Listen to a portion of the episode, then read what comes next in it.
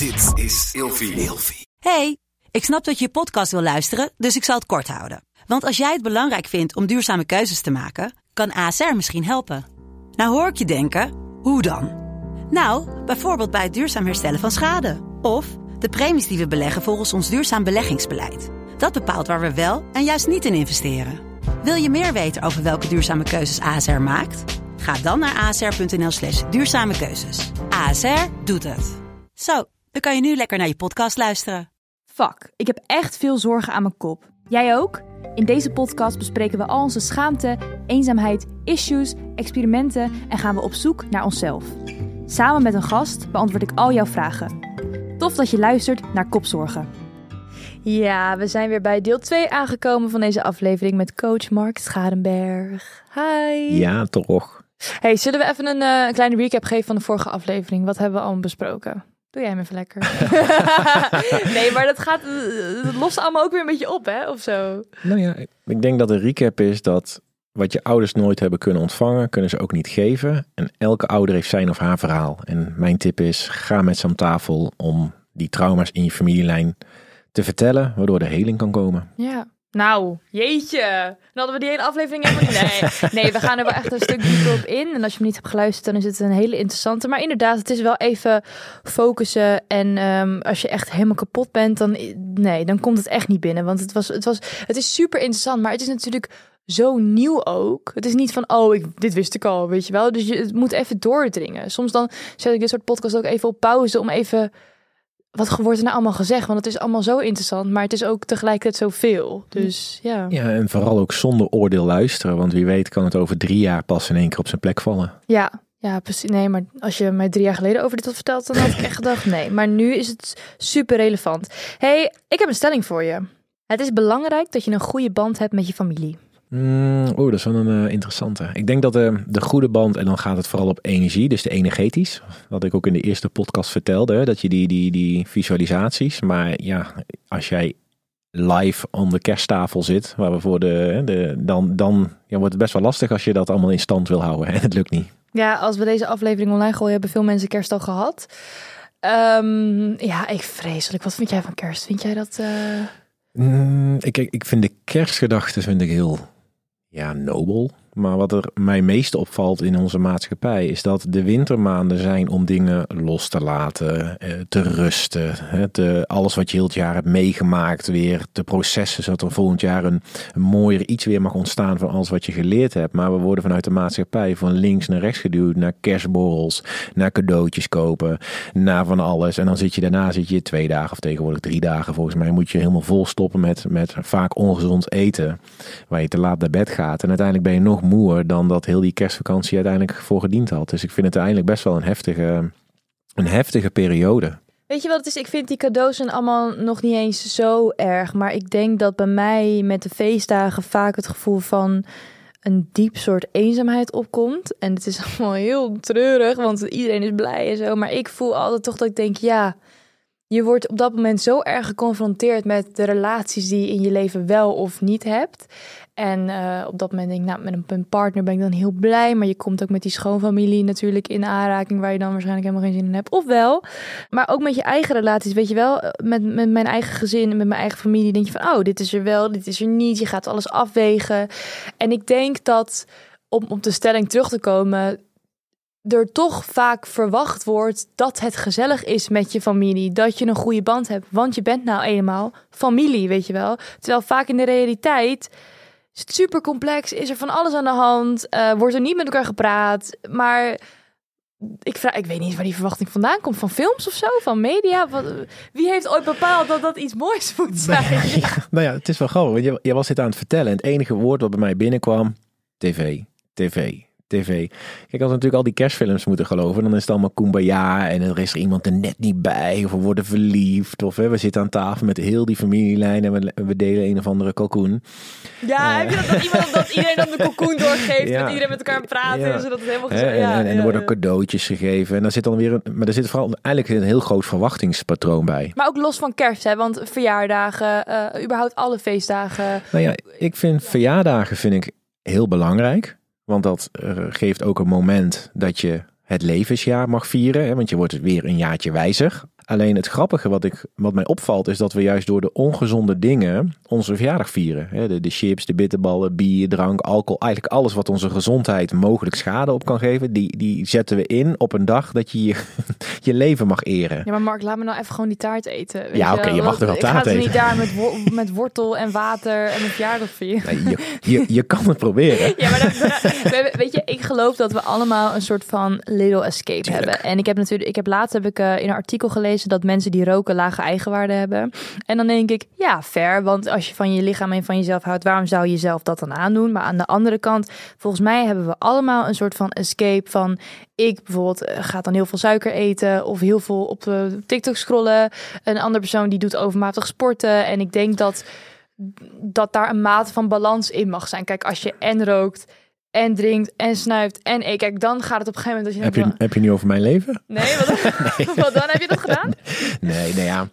Eh, ik- Kijk, ik, als ik dan kijk vanuit het trauma eh, wat in je lichaam gaat zitten, dan gaan we vaak op zoek naar dopamine shots om niet te willen voelen. En dan komen dus de soort verslavingen tevoorschijn.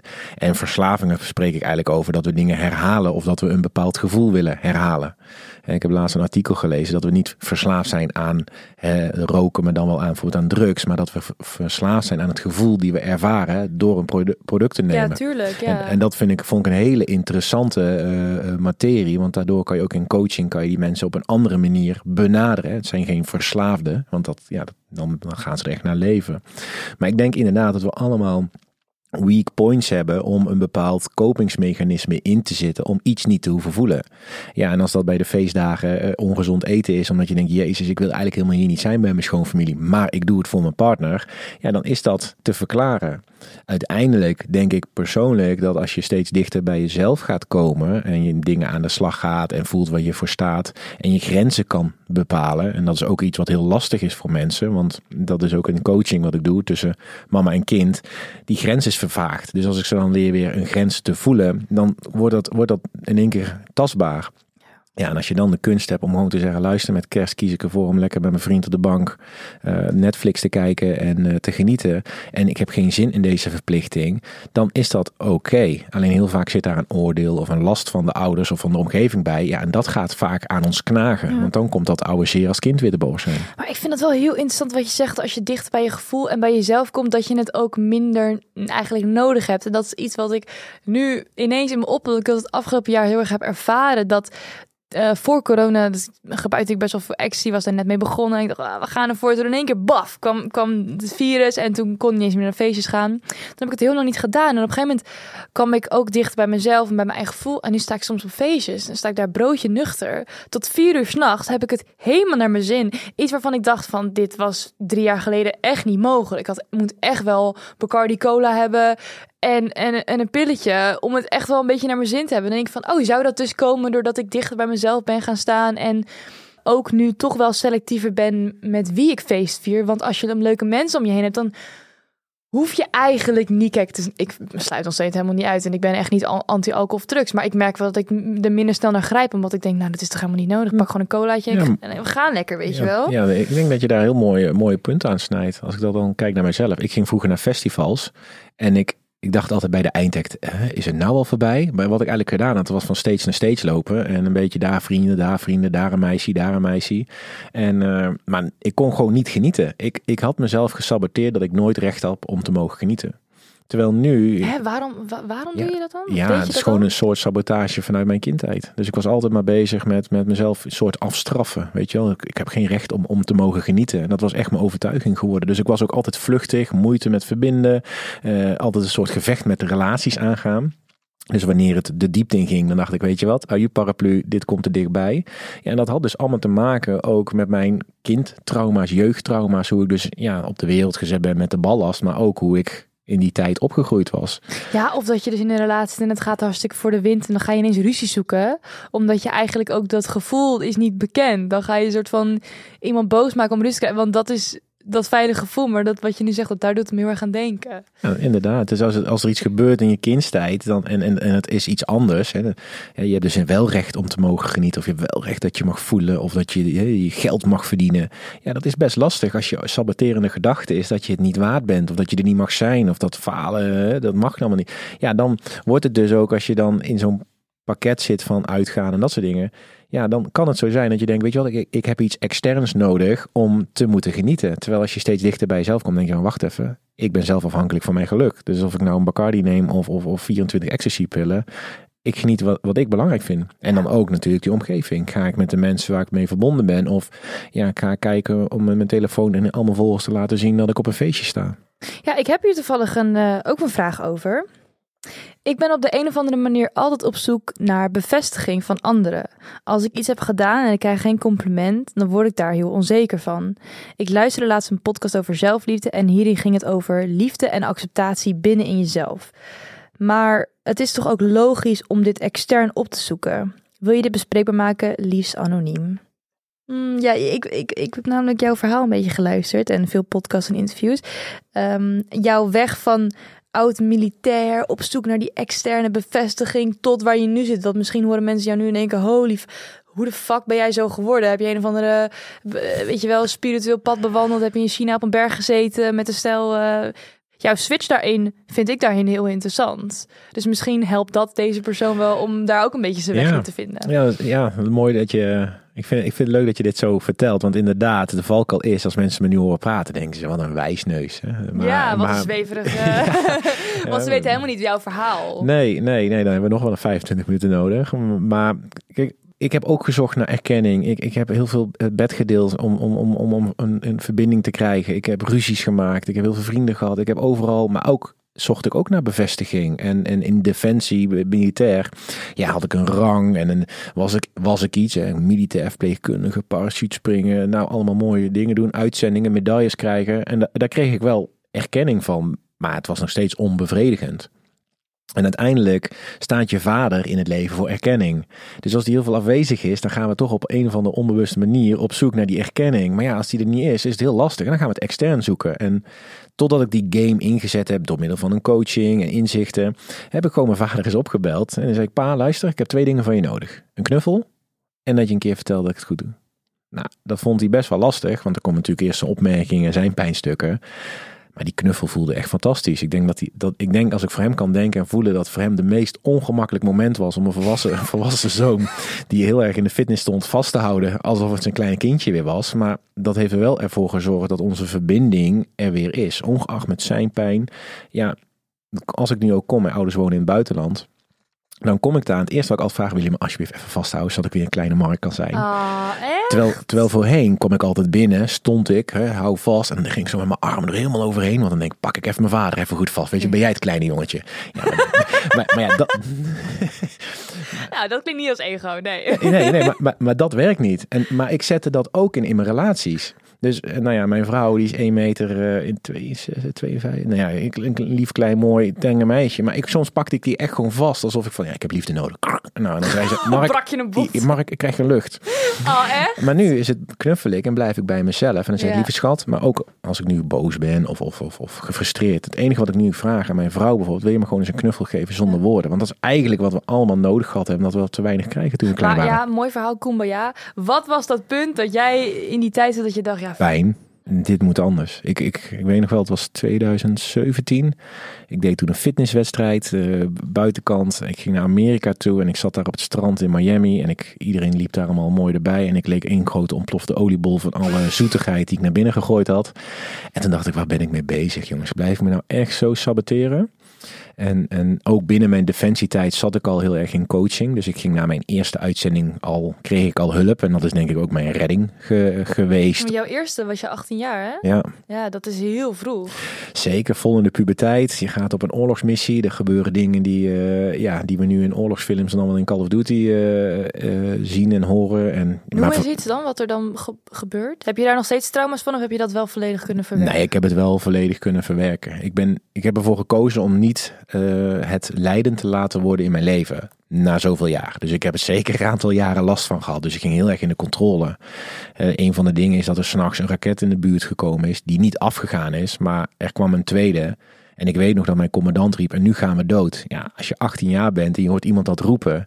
Hè, waarom liep je dat? Ja, angst, gewoon paniek, s'avonds, uh, uh, chaos. Weet je, we, we, sliepen daar in tenten. Het was allemaal, uh, het werd allemaal aan de buitenkant mooier voorgedaan. Maar er was dreiging, er was oorlog, er was een vijand. En ik geloofde dat ook allemaal. Dus ik zag iedereen als vijand. Maar ja, nu ben ik heel wat jaar ouder en denk ik, jezus, wat ben ik, wat ben ik psychologisch gewoon ja, ook een soort van bang gemaakt. En dat ja, je noemt het vaak gebrainwashed in interviews. Vind ik wel een heftig woord. Maar... Ja, nou ja, je was kwetsbaar. Je zit in je puberteit. Je neemt, je neemt, je neemt iets aan hè, voor waarheid. Je komt daar, je ervaart dingen.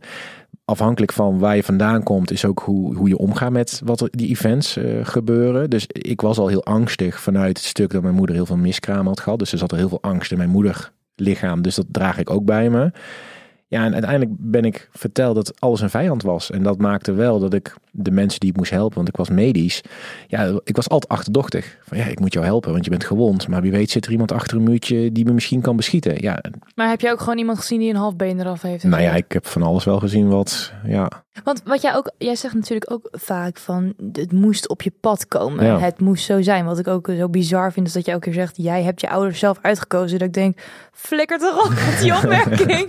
van ik heb mijn ouders zelf uitgekozen. Ik, eh, soms dan kan ik dat, die opmerking echt vervloeken. Maar omdat ik ook wel um, dat spirituele daar ook wel in geloof. Ik denk, ja, ik, ik snap wel. Kijk, ik geloof niet dat ik alles verdien wat me is aangedaan. Maar het heeft me zeker gevormd tot wie ik nu ben. Dat hoor je natuurlijk ook heel vaak van mensen. Van die ervaringen hebben me wel gevormd. Op een goede of een slechte manier. Ja, nou ja. En, en, en kijk, ik maar vertel... hoe kom je er dan ja, toch los van. Nou ja, als we dan kijken naar het erfelijk familietrauma, zie je dat events, dus dingen die ons overkomen, zoals we dat dan nu noemen, eh, de geschiedenis herhalen totdat we er iets mee gaan doen. En dat denk je van, hè, maar wat als er nou iemand mij aanrandt? Ja, als je terug gaat kijken in de familielijn, de kans is heel groot dat het bij je voorouders ook gebeurd is. Um, maar bij mij binnen Defensie is, ik, ik moest die oorlogssituatie zien, omdat ik, ik, was, ik was bezig om man te willen worden. Ik dacht dat als ik militair word, ben ik man. En als ik veel vrouwen ben in jaar word ik man. Maar ik had nodig dat ik uiteindelijk naar mijn gevoel moest gaan. Van luister eens, ik ben gewoon een hele lieve, gevoelige jongen. Die gewoon ja, de liefde aan mijn moeder moest geven van al haar verdriet. Ja, en dus ik ging de zorgenrol in. Nou, wat ben ik uiteindelijk geworden? Militair verpleegkundige. Lekker zorgen voor iedereen. Maar waarom wilde je dan zo graag de man voelen? Ja, omdat ik gepest werd vanwege wie ik was. Ik deed niet mee in groepsgedrag. Ik, ik, was, ik vond met vrouwen praten of meisjes praten in die tijd vond ik interessanter. Ik weet nog dat ik fan was van de Backstreet Boys. Want die waren echt niet dol van wauw, mannen, aandacht, veel. Dat, dat moet ik bereiken, want dan zien ze me. Ja, en zo kwam mijn pad van militair. Ja, en uiteindelijk alles wat ik gezien en gedaan heb, heeft me nu gevormd tot de therapeut of coach of hoe we ook noemen, om mensen te begeleiden in hun pijnstukken. Ja, want als je gepest wordt, voel je natuurlijk alles behalve machtig. Dan voel je je heel klein, dan heb je de controle niet, want er gebeuren je dagelijks of weet ik veel hoeveel dingen die gewoon waar jij niet om hebt gevraagd, die je niet ziet aankomen, weet je wel. En dan kan ik me voorstellen dat je op een gegeven moment militair wordt en dan ja, ligt de wereld soort van aan je voeten en dan heb je een geweer in je hand en dan sta je daar zo. En terwijl het eigenlijk ook, je brengt jezelf vind ik wel interessant. Je brengt jezelf dan vrijwillig in een onveilige situatie. Terwijl je toen ben je uh, onbewust of, of, onvrijwillig kwam je in die situatie. Dat iemand die besloot om jou uh, te pesten. Maar dan denk je, nou, ik zet mezelf in een oorlogsgebied. Laat ik dat eens gaan doen. En dan kijken hoe ik hier sterk uit. Dat klinkt eigenlijk heel alsof je een soort van een herhalingsstap maakt. Omdat je dan wel de controle nou ja, hebt. Verslaafd aan pijn. Dus ik, dus ik kreeg met, met pesten, hè, dat is natuurlijk ook dingen om over te vertellen hoe dat allemaal, hè, de, heeft natuurlijk ook te bepalen hoe je zelf staat en dan hè, de, mensen die pesten spiegelen, et cetera. Maar daar heb ik natuurlijk heel veel pijn geleden. Dus ik kon moeilijk verbinden. Ja, dan ga je militair, ga je een zware opleiding in, voel je weer pijn, fysieke pijn. Je gaat toch maar door, want je wilt presteren. Uiteindelijk ga je op uitzending, voel je ook weer een vorm van pijn. Want je moet mensen achterlaten, je gaat, je, gaat, je gaat in een wereld terechtkomen waarvan alles gebeurt. Dus ik was ook verslaafd aan angst en pijn. Ja, mm. dat zat op een gegeven moment mij zo in de weg. Dat hijackte mij in controle. Ik kan niet helemaal bevatten dat hele verslaafd aan angst en pijn zijn, zeg maar. Ik denk dat heel veel mensen ook denken, Hé, hoe kan je nou verslaafd zijn aan het gevoel van ja, angst? Ja, ja, dat, dat, ja dat, is lastig te beredeneren. Maar sommige dingen worden gewoon zo normaal voor ons. Uh, waardoor we dat continu gaan opzoeken. En ik had laatst had ik een, een sessie. En die ouders waren zo koud en kil naar de persoon toe, dat die persoon zelf gewoon continu koud water aan het drinken was en ijs aan het eten, om ook van binnen gewoon die koudheid te voelen. Ja, en als dat dan op een gegeven moment in kaart gebracht wordt, ja, dan kan zo'n systeem veranderen. Maar die was zichzelf van binnen ook aan het saboteren van het Ja. effect wat, wat de ouders hadden. Maar denk je dat het niet in plaats van een verslavingsgevoel meer is een gevoel van veiligheid, omdat dat is wat je kent? Nou ja, ik denk dat we allemaal graag veiligheid willen. Ja. Maar ik denk dat de meeste mensen zich onveilig voelen. En ergens die pijn ook blijven voelen, omdat het oncomfortabel is om daar uit te stappen. Nou ja, dan, dan ga je erachter komen dat alle, in mijn ogen, alle rollen, alle labeltjes er niet toe doen. Maar dat je mag zijn wie je bent. Of nou ja, wie je bent in de zin van, je hebt een naam en je mag hier in het leven genieten en mooie dingen ervaren. En ja, dat betekent dat je dus inderdaad door die pijn mag gaan om Ja. uiteindelijk dichter bij jezelf te komen. Maar dat klinkt dus altijd heel mooi. En in werkelijkheid is dat echt het moeilijkste en het kutste ding ooit. Want door die pijn heen gaan, dus inderdaad om tot dat soort van dat land van liefde te komen, zeg maar, dat is. Het lijkt van oké, je gaat er even doorheen en dan kom je erop uit. Ja, ja en, dat, en dat is niet. Hey, ehm, ik heb nog één vraag die ik wil beantwoorden. Beste Michelle, ik heb een vraag en ik denk dat deze vet goed aansluit op jouw podcast. Nou, dat zullen we nog wel zien. Nee, nee ik heb hem zelf uitgezocht, dus het is een hele mooie. Sinds ik, zoals vele anderen, het bewustzijnspad ben opgeslagen, merk ik dat het steeds moeilijker is om met andere mensen te connecten. De meeste mensen om me heen duiken het liefst ieder weekend de kroeg in en ik zit liever in mijn eentje op de bank met een boek. Toch vind ik het jammer. Ik zou graag mijn passie voor zelfontwikkeling met anderen willen delen. Merk jij ook dat mensen die veel bezig zijn met zelfontwikkeling vaak ook veel tijd voor zichzelf willen? Hoe zoek jij de verbinding met anderen? Ik ben heel erg benieuwd. Ehm, omdat hij ook een beetje persoonlijk aan mij is. Ja, ik merk dat als mensen dus ook in het zelfontwikkelingswereldje zitten, eh, zijn ze een stuk minder sociaal dan mensen die nog helemaal in die ja, kroegen, weet je wel. Want ik heb zelf ook zoiets van, oh, ik heb echt veel tijd voor mezelf nodig. Dus je wil dan gelijkgestemden, maar die hebben ook veel tijd voor zichzelf nodig, weet je wel. Omdat het nou eenmaal een soort van, ja, hoe zeg je dat? Het is inderdaad een, een pad wat je inslaat. En hier hebben wij het ook voor de podcast eh, over gehad. Het is een eenzaam pad. Volgens mij merken we allebei daar wel de, ook de consequenties van, nog steeds. Ja, ja, het is een eenzaam pad. Je komt hier alleen en je gaat weer eh, alleen. Maar het, het grappige, denk ik, is in heel dit verhaal, is dat we worden steeds bewuster. Hè? We, de, de, alles wat er nu in de wereld gebeurt, maakt ons bewuster dat we aan de slag moeten. Een spirituele pad of bewustzijnspad, of hoe we het ook wil noemen. Hè? De, de, die, die, die kleine amandelnoot in onze bovenkamer gaat steeds meer groeien. Dus we gaan steeds meer dingen begrijpen, snappen, zien dat er heel veel geconditioneerd gedrag uh, ingeprogrammeerd is door ons schoolsysteem. Maar je kan anderen niet kwalijk nemen dat die nog in de, misschien in de kroegen of in de drugs of die, die gaan misschien later op dat pad. De kunst is voor deze mooi, is het een dame? Was de. Ik heb geen idee nou ja, meer. Dit voor, is deze, voor, geleden de, voor, deze persoon is dat, ja, het is eenzaam. Hè? Ook als je succesvol wordt in je business, ga je mensen verliezen. Want je, je gaat dingen loslaten. Want je komt erachter dat de wereld waar je in zit niet meer matcht met hoe je over de wereld misschien wel denkt. En dat heeft altijd eens in fases. Hè, ik ben ook op dit moment, omdat het werk nu van allerlei kanten komt, ben ik ook minder sociaal. Maar dat komt omdat mijn, mijn missie is om, om die mensen te begeleiden, om ja, die, die, die, de generaties te veranderen. Terwijl ik daar ook heel veel last van heb gehad. Want ik dacht, shit man, al mijn vrienden weg. Maar daar heb ik zelf voor gekozen, want ze matchten en resoneerden niet meer. Dus ja, het is eenzaam. Maar weet ook dat heel veel mensen er al mee bezig zijn. Dus door het te bespreken, kan je verbinden. Alleen, ik denk dat hier ook wel een beetje een valkuil in zit. En dat hoorde ik ook een beetje in de zin, is... Je wilt het graag delen, maar wil je delen of wil je mensen overtuigen dat ze het ook moeten gaan doen? ja, ik heb wel een tweede. En, en daar zit ons, ons pijnstuk, dat we, we willen allemaal overtuigen waar we mee bezig zijn. Maar 80% is met zijn eigen shitzooi bezig of in de dopamine shots aan het verdoven, in welke vorm dan ook.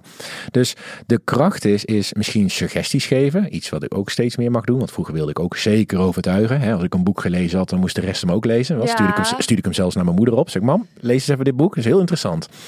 Maar dan wil je eigenlijk mensen ook veranderen. Ja, alleen Ja. Dat, dat, dat, dat is die, die, die zorg-DNA die we denk ik in ons hebben. Uiteindelijk kan je veranderen door het voorbeeld te geven en uit te stralen waar jij je goed bij voelt. Zonder anderen te willen overtuigen, te oordelen.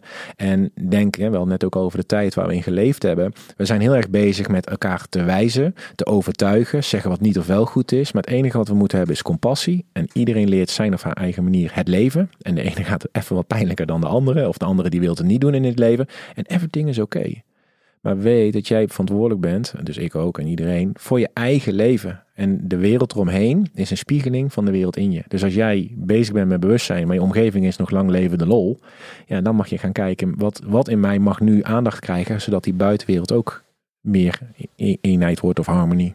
Ja, en het is lastig, ook vooral op jonge leeftijd, om mensen te vinden die vaak zijn het de 40 of de 50ers die een burn-out hebben gehad en dan nu, uh, weet ik veel, een week op Bali zitten. en dan zo, zo beschrijf ik dat, dat we dan life coach worden. Dan denk ik, ja, maar om op als twintiger inderdaad mensen te vinden die daar ook mee bezig zijn. Kijk, ik, maar welk advies zou jij geven voor deze vraag? Nou, ik heb laatst wel een goed advies gehad dat het geen um, sprint is, maar een marathon. Eh, omdat, zeg maar, het kan zijn inderdaad dat ik er nu mee bezig ben en met mijn vriendinnen bijvoorbeeld niet, maar dat die dus over een paar jaar ineens zeggen, hey, ik heb dit boek gelezen. En dat ik zeg, ja, dat uh, wist ik al. Nee, dat je dan wel die verbinding hebt. En ik merk zelf dat ik er niet een heel goed advies op heb, omdat ik er ook mee struggle op dit moment. En mijn droom daar zelf in is om een, ja, iets te organiseren waar dit soort mensen bij elkaar kunnen komen. Dus jonge mensen die wel bewust zijn, hiermee bezig zijn en die verbinding willen met elkaar. Want dat is uiteindelijk wat we allemaal willen. Zeker. En kopzorgen kan soms heel heftig en fel zijn en ba. Maar de, het uitgangspunt is die verbinding en die herkenning en het gevoel dat je niet alleen bent hierin. Want dat zijn we niet, weet je wel. Dus voor de luisteraar, mocht je geïnteresseerd zijn, volg Kopzorg op Instagram, Kopzorgenpodcast. We gaan hem lekker afronden. Is goed. Ik vind hem heel mooi geweest. Hij is lekker rond. We krijgen zo. er kopzorgen van. Ja, nou, uh, mensen die hebben geen idee hoe intensief zo'n gesprek is hoor. Nee, als je lekker diep gaat en je gaat in je kwetsbaarheid en je voelt het ook, dan kan dat af en toe ook echt zijn van, pff, weet je wel. Laten we het weer lekker over het weer hebben. En, nou ja, uiteindelijk wat nog mooi is als we gaan afsluiten is, ja, het is, een, het is lastig het leven, het is zwaar, maar geniet ook van de mooie dingen. Ga op zoek dagelijks naar een goed gevoel waar je je goed bij voelt. Omarm je met mensen. Ga op zoek waar je van kan leren. Durf vragen te stellen. En blijf vooral niet in dat zwaar te hangen, want daar ga je kopzorgen van krijgen. Dankjewel dat je er was. Ja, bedankt voor de uitnodiging. Ik vond het super fijn, super leerzaam. Ik hoop de luisteraar ook. En ik zie jullie weer in de volgende aflevering.